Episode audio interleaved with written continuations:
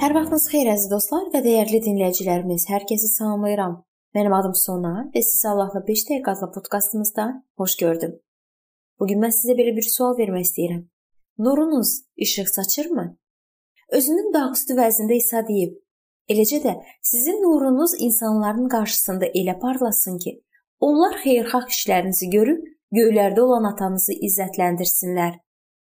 Məlumdur ki, xilas olunmaq üçün insan İsa Məsihin qanı ilə satın alınan ürəyə sahib olmalıdır. Həmçinin bilirik ki, ürəyi yenidən formalaşmış insan yalnız xeyirxah işlər görmək vasitəsilə həyatının İsa tərəfindən dəyişdiyini ətrafdakı insanlara şahadət etməklə yaşayacaq.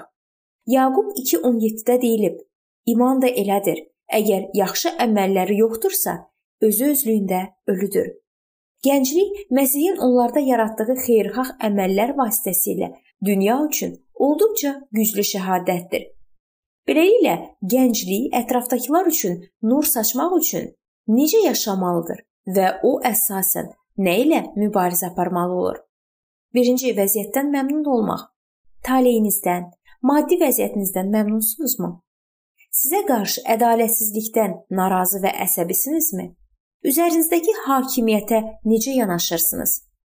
Allahın onu üzərinizə rəhbər təyin etdiyini bilərək ona itaət edirsinizmi, ya ona müqavimət göstərirsiniz? Sizin həyatınızı bilən və sizinlə təmasda olan insanlar sizin həyata münasibətinizi asanca görə bilərlər. Əgər həyata baxışınız müsbətdirsə, o bütün dünya üçün nura çevriləcəkdir. İkinci, işə vicdanla yanaşmaq. Bir çox işə götürənlər şikayət edirlər ki, etibarlı, yaxşı işçi tapmaq çətindir. Əgər uşaqlıqdan əməksevərliyə və işi axıradək görməyə alışdırılmısınızsa, onda Allaha çox şükür. İşgüzar münasibətlərdə dəqiq, səliqəli və ədalətli olmağa çalışın. Bu təkcə gündəlik həyati məsələləri həll etməyə kömək etməyəcək, həm də sizin həqiqətən müqəddəs kitab prinsiplərinə dəyər verdiyinizə və ona əməl etdiyinizə dair şahadət verəcək. Üçüncü, təvəzzükar xarici görkəm. Bu dünyanın dəbi arxasınca qaçan, Məsihi dərk etməyən gəncliyi ağlınızda canlandıranda təsəvvürünüzdə necə bir obraz yaranır? Bərbəzək taxmış, hər yeri döyməli, uzun saçlı oğlanlar, təbii olmayan parlaq rəngli saçlı qızlar, cırıq cins şalvarlar və tərbiyəsiz sözlər yazılmış köynəklər geyinən gənclər. Adama elə gəlir ki, cəmiyyət gənclərin qüsurlu hərəkətlər edəcəyinə hazırdır. Siz işə və ya mağazaya səliqəli və sadə paltarla gələndə bu dünya üçün nur və Allah haqqında xatırlatma olacaq. Ətrafdakıların dediyindən fərqli olaraq sizin geyiminiz və xarici görkəminiz həqiqətən də böyük əhəmiyyət daşıyır. Ətrafdakılar sizin ürəyinizi görə bilməzlər, amma sizin daxili aləminizdən xəbər verən xarici görkəminizi görürlər. Növbəti ədəbli və sağlam nitq.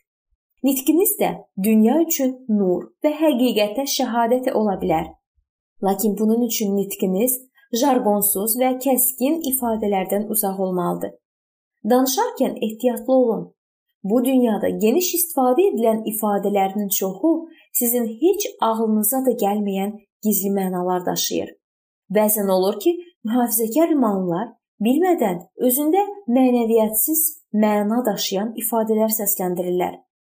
Sadə ədəbi dildən istifadə etsəniz, özünüzü qanqaraldıcı vəziyyətlərdən müdafiə etmiş olar və şəhadətinizi ləkəsiz saxlaya bilərsiniz.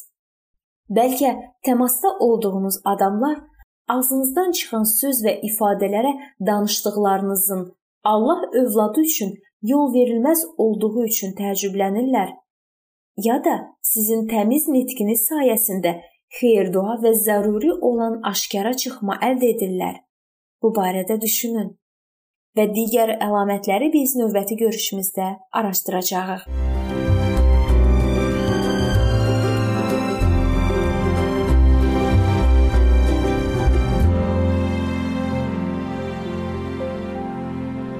Beləliklə əziz dostlar, bu yerdə bu mövzu sona çatdı. Hər zaman olduğu kimi sizi dəvət edirəm ki, bizim podkastlarımızı Facebook səhifəmizdən və YouTube kanalımızdan dinləməyə davam eləyəsiniz. İndi isə mən sizinlə sağollaşıram və növbəti görüşümüzdə görmək ümidi ilə. Sağ olun, salamat qalın.